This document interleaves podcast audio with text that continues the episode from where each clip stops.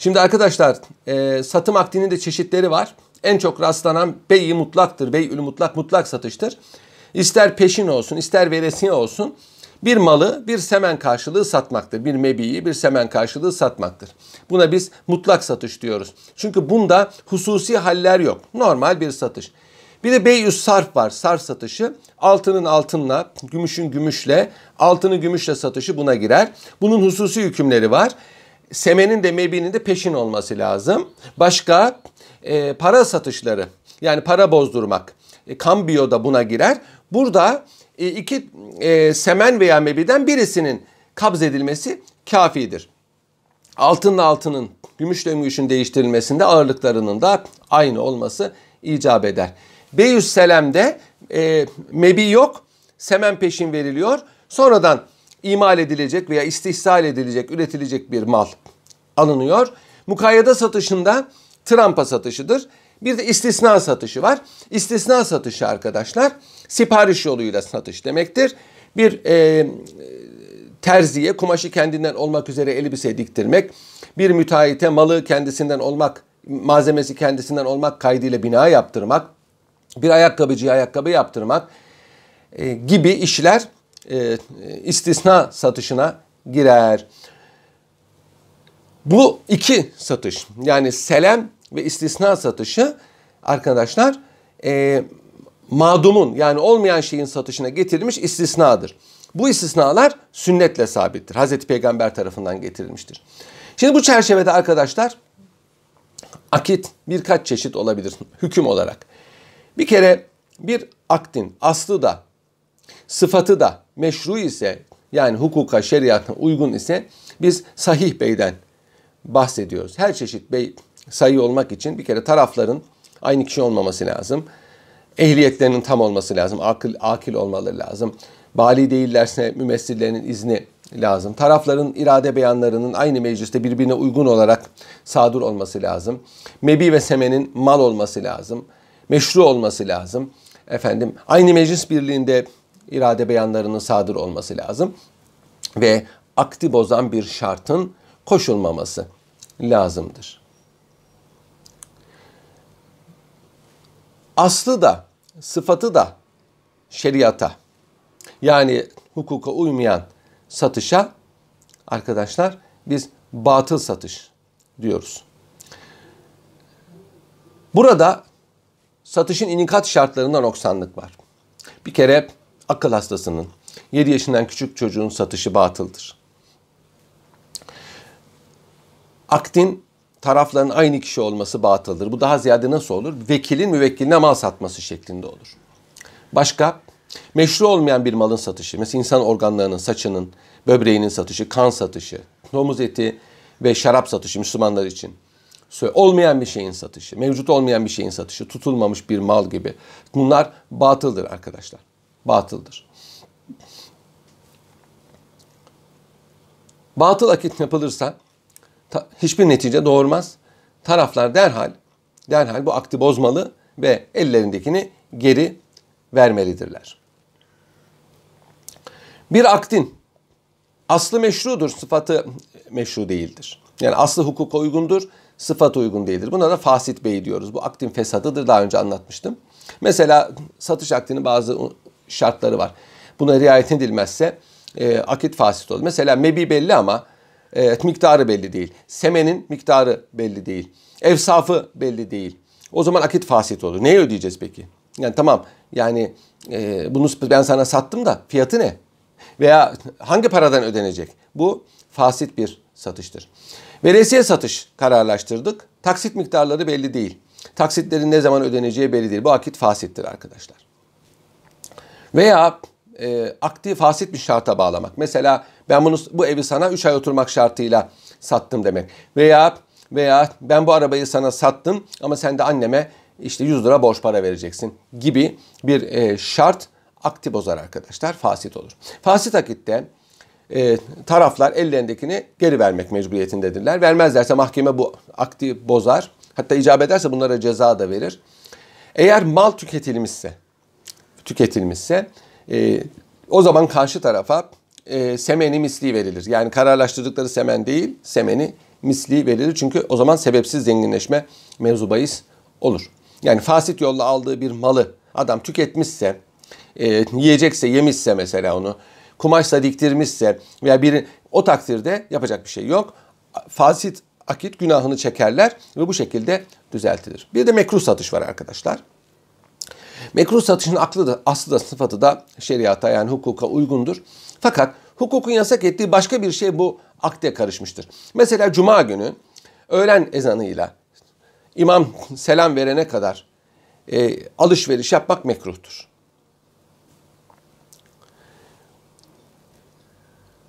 Müzayedeler oluyor, açık artırmalar. Almayacağı bir mal için oraya e, açık artırmacı giriyor ki e, hakiki alıcılar buna komisyon versin de oradan çıkarsınlar. Bu mekruhtur. Yani fiyat yükseltmek mekruhtur. İki kişi bir malı satın almak için uzlaşmışlar. Araya girip ben bu kadar veriyorum demek mekruhtur. Böyle bir satış mekruhtur. Asilere silah satmak mekruhtur.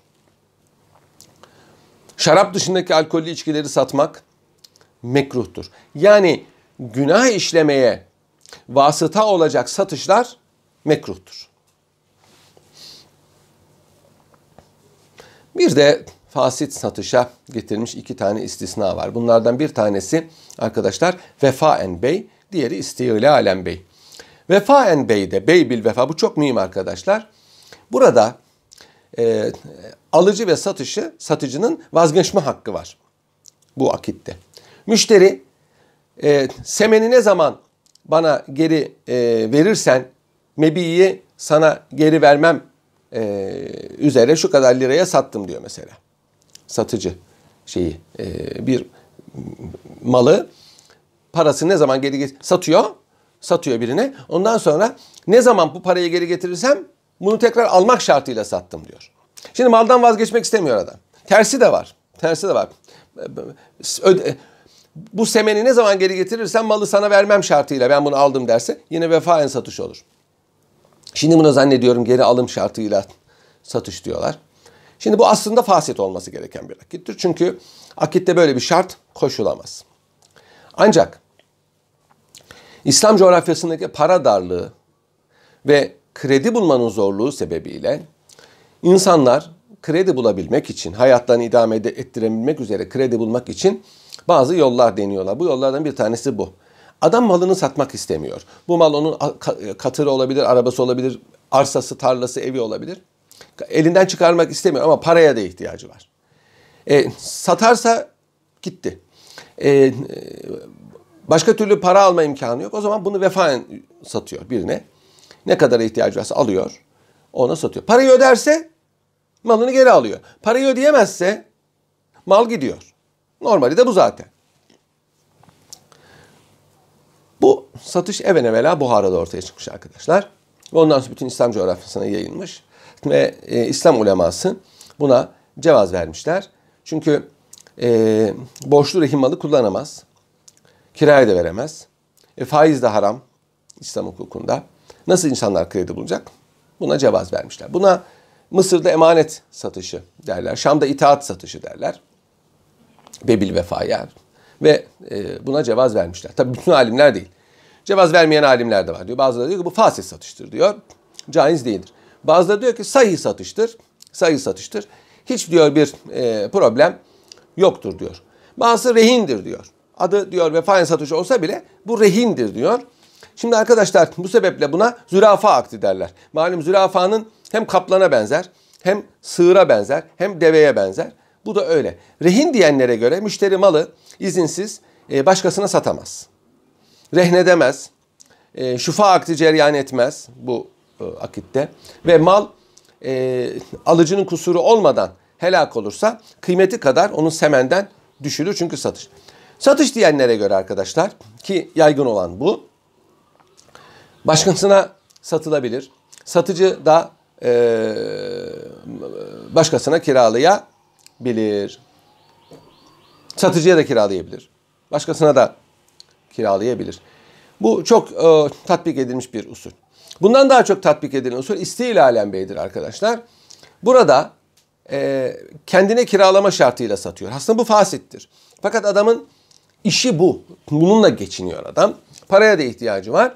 E, malı satıyor ancak kendisi kiralıyor. Buna istilalen bey derler. Bu biraz da tarlalar da mevzu bahis oluyor. Köylük yerlerde Osmanlı Devleti'nde çok tatbik edilmiş bu kredi ihtiyaçlarında. Adam yani tarlasını satıyor. Satınca biliyorsunuz bir daha orada e, çiftçilik yapamaz. Ama ihtiyacı var adam öyle geçiniyor. Böyle yapıyor adam. İstilalen satıyor. Osmanlı'da bunun e, çok rastlanan bir satış olduğunu size söylemek isterim. Şimdi gelelim muhayyerliğe arkadaşlar. Yani e, bey akdinin en mühim hususlarından bir tanesidir. Diğer akitlerde de var. Burada anlatıyoruz. Diğerinde de siz buna kıyas edin. Şimdi arkadaşlar muhayyerlik yani muhayyer olmak, muhayyer olmak hıyar hakkı eski tabirle opsiyon demektir. Hıyarül şart var mesela. Hıyarül ayıp var. Hıyarül kusum. Ee, alıcı veya satıcı ve her ikisi e, bu alışverişten vazgeçme hakkına sahip. Bu hak varsa. Bu hak varsa. Normalde satım akdinden vazgeçmek mümkün değil arkadaşlar. Bir şeyi sattığınız zaman mülkiyet akitle geçer. Pişman olduğunuz zaman yapacak bir şey yok. Anlaşarak vazgeçebilirsiniz ancak. O da kolay değil. Ama eğer muhayyerlik varsa o zaman tek taraflı olarak bu akdi feshetmek mümkün. Muhayyerlik nasıl oluyor arkadaşlar? Muhayyerlik seçme buradan geliyor biliyorsunuz. Hıyar seçmek demek, seçim. İhtiyar seçim demek. İhtiyar azası e, seçilmiş aza. E, muhtar seçilmiş demektir. Birkaç çeşit muhayyerlik var borçlar hukukunda. Bunlardan bir tanesi hıyarı şart, şart muhayyerliğidir. Burada pazarlık edersen siz muhayyer, ederken muhayyer olma şartını koşuyorsunuz. Diyorsunuz ki ben bunu aldım ama işte bir gün içinde, iki gün içinde bunu geri getirebilirim. O zaman alacaksın. Tamam diyor adam. Muhayyerlik şartıyla siz bunu alıyorsunuz. Eve geliyorsunuz, bakıyorsunuz. Beğenmediniz, götürüyorsunuz. Kullanmamak şartıyla kullanmışsanız veya müddet geçmişse artık yapacak bir şey yok. Ama eğer zamanı içinde, müddetin içinde vazgeçerseniz vazgeçersiniz. Bu İmam-ı Azam'a göre, İmam göre müddet daha uzun olabilir. Daha uzun olabilir. Mesela günümüzde e, bütün satışlarda muhayyerlik vardır. Örf olmuş muhayyerlik artık. Bir malı aldığınız zaman 15 gün içinde hiçbir e, gerekçe beyan etmeden geri getirme hakkınız mevcut. Gelelim hıyarul vasfa, vasıf muhayyerliği. Burada arkadaşlar e, satıcı bir malı belli bir vasıfta olarak satıyor. Siz de bu niyetle alıyorsunuz. Fakat bu vasfı malda bulamıyorsunuz. Olur. O takdirde muhayyersiniz. Dilerseniz aktif edersiniz. Dilerseniz malı konuştukları semenle kabul edersiniz. Tamam bu vasıf yok ama kabul edin Bu size kalmış bir şey. Ama bozma hakkınız var. Mesela sağmal inek diye aldınız kısır çıktı. Yarış atı diye aldınız beygir çıktı. Yük beygiri. O zaman vasıf muhayyerliğiniz vardır. Ancak eğer malı kullanmışsanız yani vasfının olmadığını öğrendikten sonra kullanmışsanız yapacak bir şeyiniz yoktur. E, muhayyerliğiniz düşer. Nakit muhayyerliği var. Hıyarun nakt. Muayyen bir zaman koşuyorsunuz. Bu zaman zarfında eğer semen ödenmezse aktin feshedilmesi caiz oluyor. Normalde arkadaşlar daha önce de anlatmıştım. Bey akdinde tek taraflı fesih yok. Yani siz bir malı sattınız, akit yaptınız, ücreti ödemeseniz bile bu sizin mülkiyetinize geçiyor. Biliyorsunuz satış akdinde, bey akdinde önce ücret ödenir, sonra mal teslim edilir. Eğer müşteri semeni, semeni ödemeden e, bayi mebiyi teslim etmişse hapis hakkı düşer. Peki müşteri semeni ödemezse ne olur? Gel ver benim malımı diyemez. Ya cebri icraya müracaat edecek. Yani borcunu tahsil edebilmek için uğraşacak. Şimdi bundan kaçınmak için hıyarun nakit getirmişler. Hıyarun nakde eğer işte e, bedeli semen ödenmezse e, aktif feshetme hakkı veriyor. Eğer e, alıcı, müşteri semeni ödemezse bayi bayi malı geri alıyor. E, böyle bir böyle bir imkan tanıyor bu e, muhayyerlik. Eğer e, hıyarı nakt e, varsa ve bunu kullanmışsanız akit başa dönüyor, fasit oluyor. Gelelim tayin muhayyerliğine. Burada kararsız müşterilerin muhayyerliğidir. E, bir malı almak hususunda kararsızsanız, üç tane gömlek var hangisini alsam acaba diye. Bunlardan e, dilediğini almak veya bayiye de bayi de kararsız olabilir. Dilediğini e, vermek üzere satılıyor burada. Hıyarı tayin var burada. Belli bir müddet koşuluyor. Bu müddet zarfında müşteri aldığı malı tayin etmeye mecbur. Şu gömleği aldım diyecek. Şu o, öbür ikisini iade edecek. İkisini iade edecek.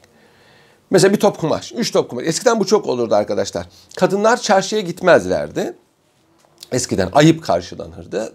Bütün malları, bütün malları kocaları veya neyse hizmetkarları, oğulları, damatları neyse kimse onların hizmetini gören onlar alırdı. Kadınlar çarşıya gitmek şöyle dursun. Çarşıdan geçmezlerdi bile. Anadolu'da bu böyleydi. İstanbul'da da böyleydi.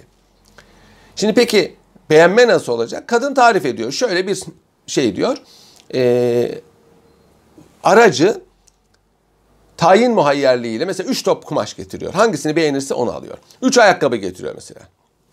Ne isterse. Onlardan birini seçiyorlar. Bu satım akdinde. Bu zaman zarfında dediğim gibi bir tanesini seçiyor, diğerini iade ediyor. Müddet e, geçince akit başa dönüyor. Yapılmamış. Yapılmamış sayılıyor. Bir de rüyet muhayyerliği var. Hıyarı rüye. Bir kişi bir malı görmeden alırsa rüyet muhayyerliği vardır arkadaşlar. E, gördüğü zaman beğenmezse malı iade edebilir. Ve bunun için bunun için de bir şey söyleme e, bir gerekçe beyan etme hakkına e, mecburiyeti yok arkadaşlar. Yok arkadaşlar. Bilhassa internet satışında bu çok cari arkadaşlar. İnternet satışı yapıldığı zaman herkesin rüyet muhayyerliği vardır. Malı gördüğünüzde beğenmezseniz ama malı e, görmeden aldınız ve e, kullandınız. Malik gibi tasarruf ettiniz. Görme muhayyerliği düşer artık. Görme muhayyerliği düşer. Ama malı görerek aldıysanız görme muhayyerliğiniz yoktur. Çünkü muayene ettiniz malı.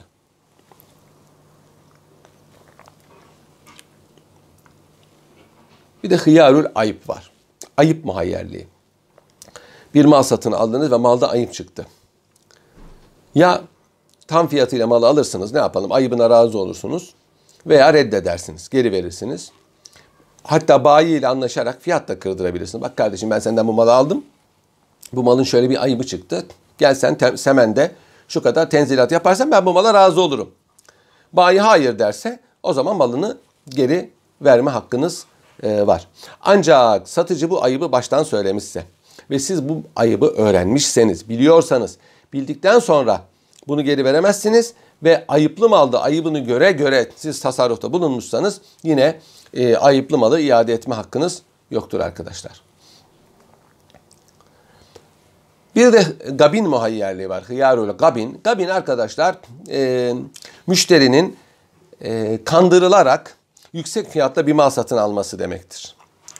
Burada bayi yalan söyleyerek veya başka enstrümanlar kullanarak mesela arkadaşlarını getirip müşteri kızıştırarak e, müşteriyi kandırıyor. Veya onun müzayakasından istifade ediyor. Birazdan söyleyeceğim. Bu kandırma eğer belli bir meblağın üzerinde ise müşterinin muhayyerliği var. Malı iade edebilir veya razı olabilir. Bu e, nispet gabeni fahiş olmalıdır. Gabeni yesir akdi bozma hakkı vermez. O kadar fiyat farkı her malda olur. Ama gabeni fahiş ve daha yukarısıysa akdi bozma hakkı var. Mesela mesela sarf satışında altın, gümüş satışında ve kambiyoda e, yüzde iki buçuktur bu. Yüzde iki buçuktur. Bu nispet. E, mesela 100 liralık altın aldınız. 100 liralık altın aldınız. E, e, fakat sizi kandırdı. Sizi kandırdı. 105 liraya sattı 100 liralık altını. E bu yüzde iki buçuğu iki buçuk lira. Yani iki buçuk liradan daha fazlaysa bu akdi bozma hakkınız var. Ama ama 102 liraya satsaydı size 100 liralık altını kandırarak ama kandırarak 102 liraya satsaydı sizin akdi bozma hakkınız olmazdı. Bakın burada kandırmak çok mühimdir. Zira zira herkes malının dilediği fiyatını satar. İslamiyet'te kar haddi yoktur. Bunu daha önce söyledim. Yani 100 liralık bir maldan 1000 liraya da satabilir. Arz talep dengesiyle alakalı. Alan alır almayan almaz. Ama kandırıyorsa nasıl kandırabilir? Abi ben bunu 9 liraya aldım zaten. 10 liraya satmayayım mı. Halbuki 9 liraya almadı. 5 liraya aldı. Kandırıyor. Veya müşteri arkadaşları geliyor. Oo ben bunu filanca yerde şu kadara gördüm diyor falan. karşı tarafı kandırıyor. Bu takdirde sarf satışına yüzde iki buçuk. Menkul mallarda, uruzda yüzde beş. Hayvanda yüzde on, gayrimenkullerde yüzde yirmi. Fiyat farkı varsa, fiyat farkı varsa bu e, akti bozma hakkınız vardır. 1000 liralık bir arsayı size 1200 liraya satmışsa bozma hakkınız var. Ama 1100 liraya satmışsa bozma hakkınız yoktur. Bir de arkadaşlar yeme içme gibi zaruri ihtiyaçlar veya örtünme gibi zaruri ihtiyaçları insana ihtiyacı var. Adamın hiç elbisesi kalmamış şimdi mesela. Don gömlek dışarı. Ona bir e, giysi, giysiyi yüksek fiyatta çaresiz adam. Açlıktan ölecek, susuzluktan ölecek, çaresiz. Ona bu e, malı yüksek fiyatla satmak da aynı şekilde gabin muhayyerliğini icap ettirir. Bir de keşfül hal muhayyerliği var arkadaşlar.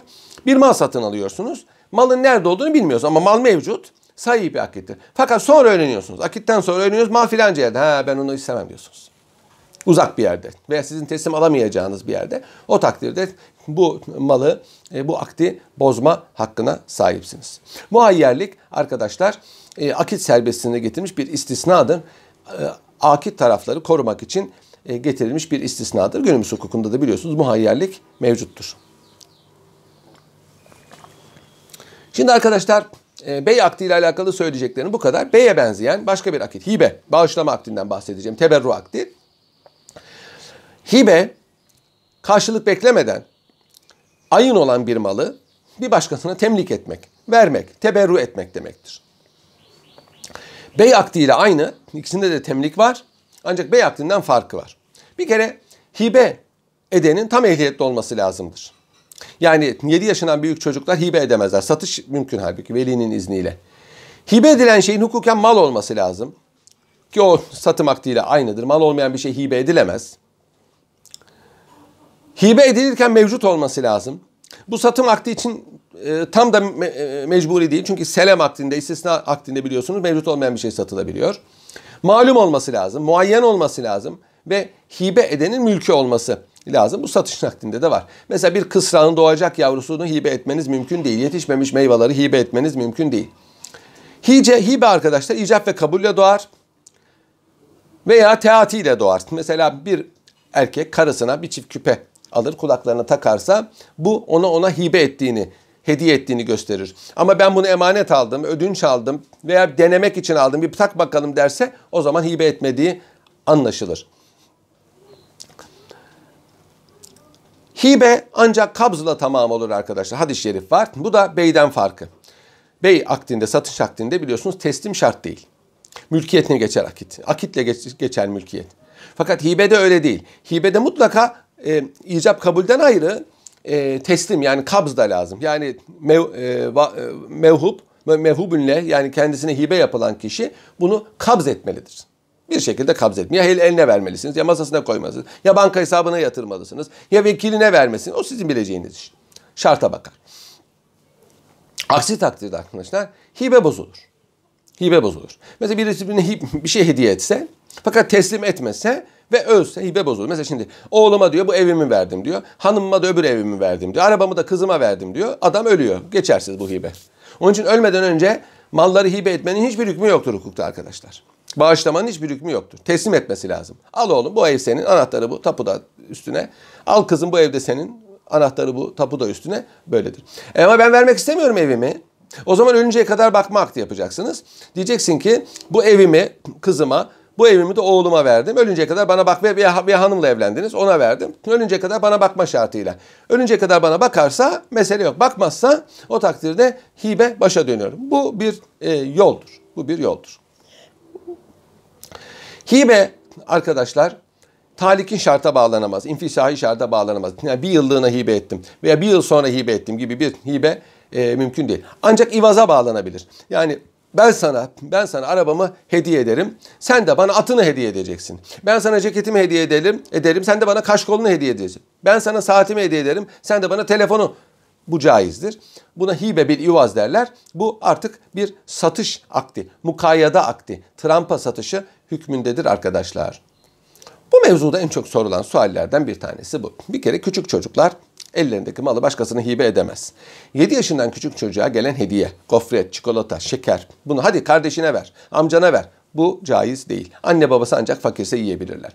7 yaşından büyük bir çocuk aynı şekilde hadi oyuncağını arkadaşına hediye et hadi e, şeyini e, ceketini filancaya hediye et veya e, gofretin yarısını da kardeşe ver. Bu caiz değil. Ancak büyükler ona hediye etmeden bir şey verirler. Ariyet, ödünç veya e, bir şekilde ibaha. O onu ancak verebilir. Çocuğu cömertliğe alıştırmak için bu yapılabilir. Yoksa kendi malını çocuk hibe edemez. Verisinin izni de edemez. Burada yine çok sorulan suallerden bir tanesi. Evlenme ve sünnet düğünlerinde gelen hediyeler. Bir kere bu çocuğa layık bir hediyesi, oyuncak gibi çocuğundur. Onda şüphe yok. Ancak e, altınsa, paraysa, çocuğa göre değilse e, o takdirde anne tarafından gelmişse annenin, baba tarafından gelmişse babanın malıdır. Yok bu çocuğun parasıdır, çocuğa, çocuğun altınıdır demişse o zaman çocuğa aittir. Evlenme düğünlerinde kız tarafından gelenler geline, Oğlan tarafından gelenler oğlana aittir. Bunu e, tayin etmek mümkün değilse örf ve adete bakılır. İşte kendilerine sorulur vesaire vesaire. Çocuğa gelen hediyeler anne baba istifade edebilir mi? Hayır. Çocuğa gelen hediyeler çocuğun malıdır. Anne baba ancak fakirse bunlardan istifade edebilir. Bir kimse malını dilediğini hediye edebilir. Bunda hiçbir engelleme yoktur. Ancak ölüm hastasıysa yani ölmeden önce hastalanmışsa malını e, karşılıksız kazandırmalar üçte bire girer biliyorsunuz vasiyet hükmünde. Onun için e, bir kimse ölüm hastasıysa kanser hastası mesela Allah korusun e, bu, bu haldeyken birine bir şey hediye ettiği zaman borçlarından arta kalan mal varlığının üçte birinden bunun çıkması lazım. Aksi takdirde indirilir. Bunun dışında bir kimse sağlığında malını dilediği kişiye hatta bir varisine hediye edebilir. Daha sonra varisler bunu iptal ettiremezler.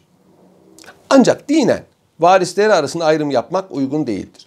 Bir kimse üç tane çocuğu varsa onlardan birini daha çok sevebilir. Sevgi insanın elinde olan bir şey değil. Ancak bunu göstermesi doğru değildir. Eşit muamele etmesi lazımdır. O sevdiği çocuğa fazladan bir mal verse bu hukuken sahih olmakla beraber dinen günahtır. Çocukları arasında ayrım yapması caiz değildir. Ancak bunun da istisnaları var. Bu mal verdiği çocuk Ahlaken mümtaz bir çocuk. Anne babaya hürmetkar, onların hizmetini görüyor. Veya tahsil yapıyor. Veya küçük. Veya kız, evlenmemiş bir kız. Veya sakat. O zaman buna diğerlerinden fazla hibede bulunması caizdir. Dinen de mahsurlu değildir. Veya mal kaçırdığı varisi ahlaken mazbut olmayan, dinle diyanetle alakası olmayan birisi ise o takdirde İslam dinine göre buna mal bırakmamak için mallarını başka varislere yapabilir. Hatta e, İslam dininde böyle olanlara ancak nafaka verilir. Bunun dışında mal bırakmak da caiz değildir. Çünkü o o malı içkide, kumarda vesaire yani dinen uygun olmayan yerlerde harcayabilir. Bu sebeple bir kimsenin bu çocuğuna mal bırakmaması dini bir vecibedir dini bir vecibe. Bırakmaması lazım bu çocuk. Ya vakfedecek, ya satacak, yiyecek, ya diğer varislerine verecek. Aksi takdirde günahkar olur. O mallar o çocuk günah işlediği müddetçe anne babaya da yazılır. Bu ama dini bir mesele. Hukuken böyle değil. Şimdi arkadaşlar, hibe ancak kabz ile tamam olur dedik.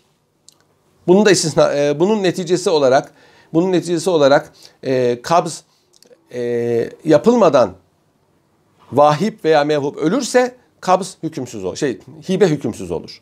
Yani hi, hibe eden veya hibe edilen ölürse e, hükümsüz olur. Hediye hibe, hibeye girer arkadaşlar. Şimdi e, hibe bey akdi gibi değil. E, lazım bir akit değil. Bağlayıcı bir akit değil.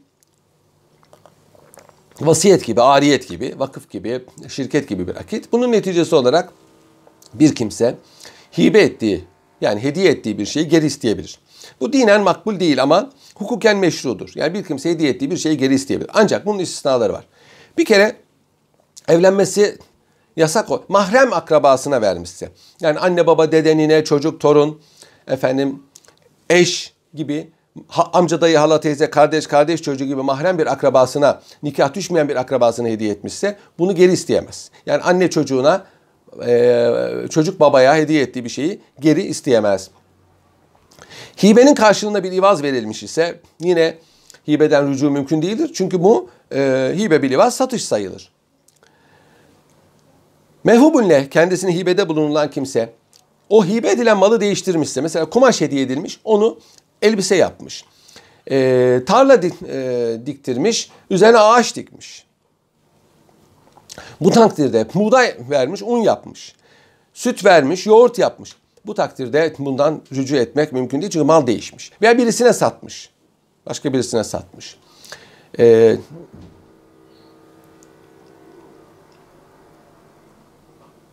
ölüm vaki olmuş. Yani hibe eden ölmüş varisleri onu isteyemezler. Veya hibe olunan ölmüşse e, onun varislerinden isteyemez hibe eden. Bağışlanan. Ölüm iki tarafın ölümü, bunun iki taraftan birinin ölümü hibeden rücu e, sona erdirir. İbra da bir hediyedir. Yani alacaklının borçluya e, alacağını hediye etmesi. Bundan da geri dönülemez. Gayrı kabili rücudur. Bir de sadaka arkadaşlar. Sadaka verilmişse yani hibe bir fakire sadaka niyetiyle sevap kazanmak niyetiyle verilmişse buradan geri dönmek mümkün değildir arkadaşlar. Şimdi e, bir başka temlinki akit var. İcare akdi. Ancak bu menfaatin temlikidir arkadaşlar. Hibe ve hibe ve bey akdi malın aynının icare akdi ise menfaatinin temliki demektir. İcare malum bir menfaati, malum bir ivaz karşılığında satmak demektir arkadaşlar. Ee, bu menfaat eğer bir malsa o zaman günümüzde kullanıldığı manada kira akdidir. Yok bir kişinin hizmeti ise veya bir hayvanın hizmeti ise o takdirde e, icareyi ademi veya icareyi hayvan vardır. Yani hizmet akdi mevzu bahistir arkadaşlar. Kira akdi de icareyi akar ve icareyi uruz yani menkul kirası gayrimenkul kirası diye ayrılır. Bir de hayvan kirası diye ayrılır. Bunların hükümleri birbirinden farklıdır. Şimdi bir e, sanat sahibine malzeme veriyorsunuz. Bunu bana bir şey yap diyorsunuz. Bu onu ücretle tutmak demektir arkadaşlar. İcare akdi, ecir, ücretle tutulan kimse, mecur, kiralanan, müstecir, kiralayan, ücret veya ecirde e, kiralanan para demektir arkadaşlar. Şimdi icare akdi, icare akdi dediğim ki ya hizmet akdidir ya kira akdidir. İkisi de İslam hukukunda beraberce tanzim olunmuştur arkadaşlar. Bir kere icare akdinde e, yapanın akıllı olması kafi. Aynı bey akdi gibi. Velinin izniyle çünkü bu e, yani 7 yaşından büyük çocuk malını kiralayabilir veya kendisi birisini ücretle tutabilir veya birisini ücretle çalışabilir. İcare icap ve kabullü olur. Götürü kiralamak da caizdir. Nitekim dolmuşa biniyorsunuz. Bu götürü kiralamaktır. Taksiye biniyorsunuz. Bu götürü kiralamaktır. Ancak icarenin sıhhati için arkadaşlar mutlaka ücretin ve menfaatin tayin edilmesi lazım. Ücret ve menfaat konuşulmaması icare fasit olur, bozulur arkadaşlar. Bir de e, eğer ücret konuşulmadığı halde iş yapılmışsa o takdirde bu başa dönmek mümkün olmadığı için işi yapana veya malın e, malı kullanılana efendim bir ecri misil ödenir. Diyelim ki müddeti konuşmadan evinizi kiraya verdiniz. Oturdu adam kirayı ödeyecek. Ecri misil öder. Ne sizin dediğiniz o ne onun dediği olur. Bir adamı ücretle kiraladınız. Fakat ücretini konuşmadın. Şu işi yap dediniz. Yaptı.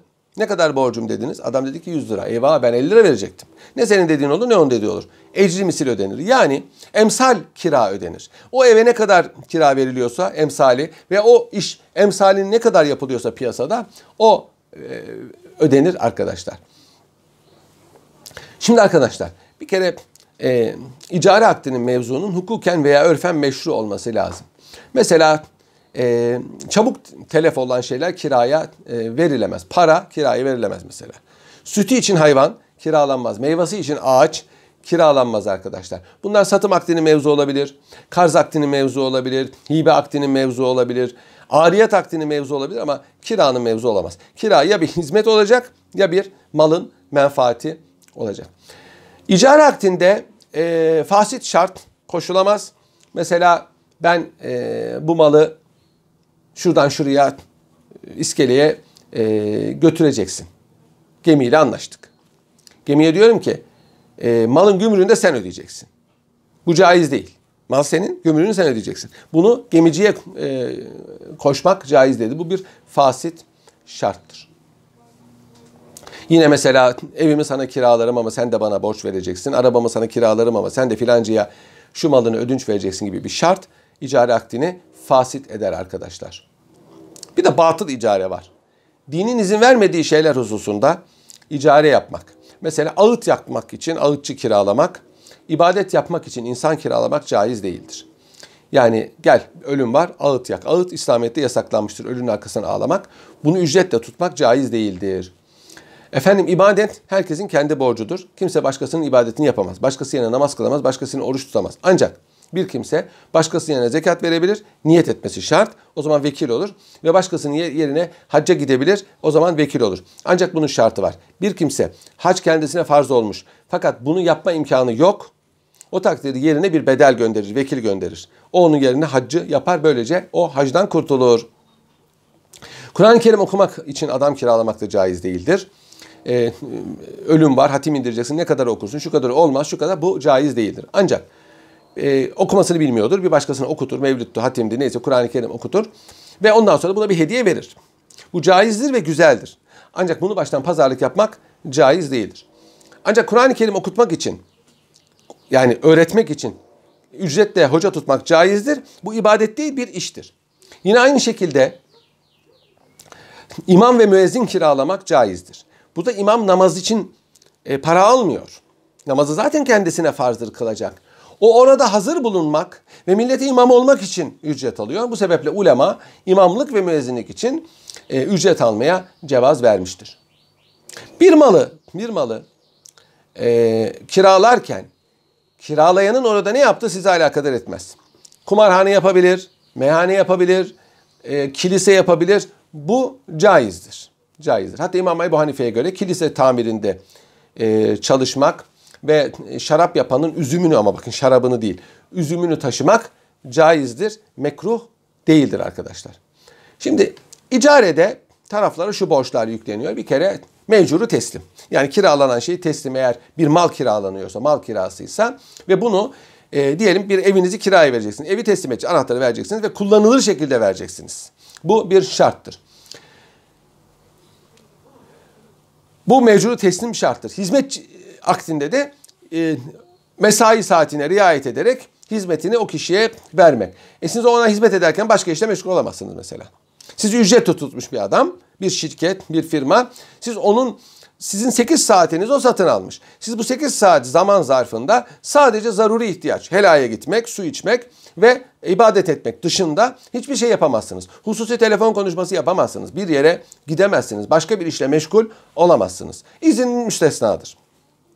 Bunun için zaten biliyorsunuz iş yerlerinde öğle tatili, çay molası, sigara molası gibi molalar verilir ve insanların istirahati için hafta tatili getirilmiştir. Bunun dışında bunun dışında hizmet akdi yapan kimse onun verdiği işten fazlasını yapar. Yani kaytaramaz bugünkü tabirle. Kaytarırsa ne olur? Aldığı para helal olmaz. Hizmet akdinde eğer o işi kendisini yapması şart koşulmuşsa bir başkasını getiremez. Bir usta tuttunuz. Biliyorsunuz o usta iyi bir usta. Aa geliyorsa başkasına yaptırıyor. Bu caiz değil. Ama öyle ustalar var ki o bu işin aracısıdır. Tamam o zaman caizdir. İcare akdi karşı tarafa ücret ödeme borcu yükler. Söz kesilince ücret hemen vermek lazım değildir. Satış akdinden farklı olarak icare akdinde. Ya hizmet yapılır, iş biter ondan sonra. Ama eğer ücretin verileceği bir zaman kararlaştırılmışsa o zaman o zaman verilir. Mesela mesela ev kiralandığı zaman bu nasıl oluyor? Baştan, ayın başında veriliyor. Ama mesela işçi kiralandığı zaman o iş bittiği zaman veriliyor.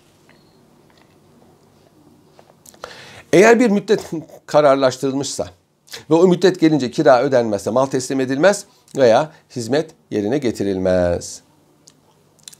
Ev tuttunuz, evde oturmuyorsunuz veya hizmetçi tuttunuz veya bir hizmet işçi tuttunuz, iş yaptırmıyorsunuz. Yine ücret ödeyeceksiniz. O onun meselesi değil. O sizin meselenizdir. Ancak ancak maldan istifade imkanı ortadan kalktı. Hayvan öldürdü, tuttunuz, öldü hayvan. E, değirmen tuttunuz, suyu kesildi. Efendim, e, sınır kapandı. mal gönderecektiniz. Dişçi tuttunuz, dişiniz düştü yani tamir ettirmek için. O zaman ücret e, borcu kalkar. E, çünkü akit fasit olur. E, fes olunur yani. Fasit olmaz, fes olunur. Sanat yapan kimse yani terzi gibi, ayakkabıcı gibi e, işçi ücret ödenmedikçe malı teslim etmeyebilir. Yani burada bir hapis hakkı mevzu bahistir. Arkadaşlar kiralanan mal kiracının elinde bir emanet. Eğer kusur olmadan helak olmuşsa ödemez. Ev kiralamış, e, yanmış, zelzelede yıkılmış. Bunu ödeme mecburiyeti yok. Ve hayvan e, kiralamış, e, bunun üzerine zarar e, verecek şey yüklemiş, fazla yük yüklemiş. Hayvan e, sakat olmuş. Bunu öder. Burada kusuru var çünkü. Doktor tedavi ederken eğer fenne uymayan bir iş yapmıştı, hasta zarar görmüşse bunu tazmin eder. Ama her şey usulüne uygun yapılmışsa o takdirde tazmin etmez. Mesela terziye kumaş verdiniz, ceket diktirdiniz, pantolon dikti. Kumaşın parasını tazmin etmekle mükelleftir. Ya isterseniz dersiniz tamam pantolon alayım ben. Sen e, e, farkı tazmin et bana işçilikten. Bunu kesme imkanınız vardır. Şimdi arkadaşlar bir mal e, kiraladınız fakat ki, e, kiralanan malın kullanacak bir hali kalmadı. O takdirde de o takdirde de icari akdi bozulur arkadaşlar. Fasit olur. Çünkü mevzu ortadan kalkmış demektir. Kiralayan maldan aktin icap ettirdiği şekilde istifade eder arkadaşlar ve işçinin hizmetinden e, icap ettiği şekilde mesela ev temizlemek için birini tuttuğunuz zaman evi temizler. Bunun dışında mesela badana yaptıramazsınız. Veya bir tamir yaptıramazsınız. Veya bir ev kiraladınız. Bu evi değirmen olarak kullanamazsınız mesela. Hatta e, ama mesela iş yeri olarak kullanabilirsiniz. Ancak kiraya verilirken burayı iş yeri olarak kullanamazsın dediğiniz zaman orayı iş yeri olarak kullanamaz. Binaya zarar vermeyen her şeyi orada yapabilir. Kiracı kiraladığı malı bir başkasına kiralayabilir. Kiraladığı işçiyi bir başkasına kiralayabilir. Ancak kiraladığı zaman bunun hilafı kararlaştırılmamışsa bu böyle.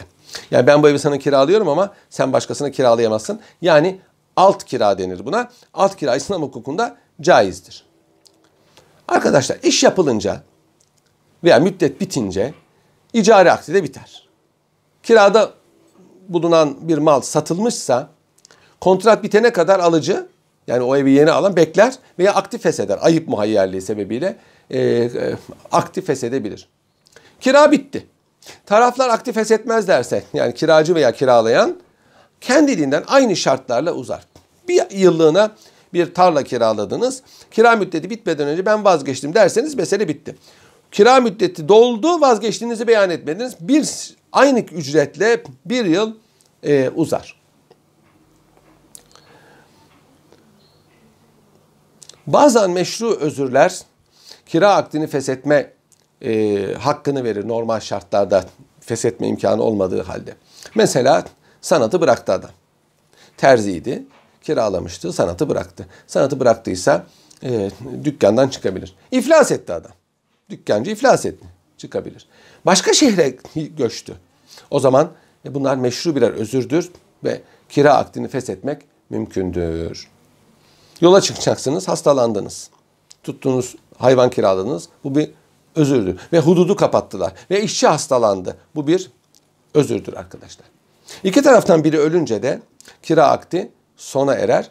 E, Şafii mezhebinde mukavele sonuna kadar e, varislerle kira akdi devam eder. Bu Şafii mezhebinde getirilmiş bir farklı husustur.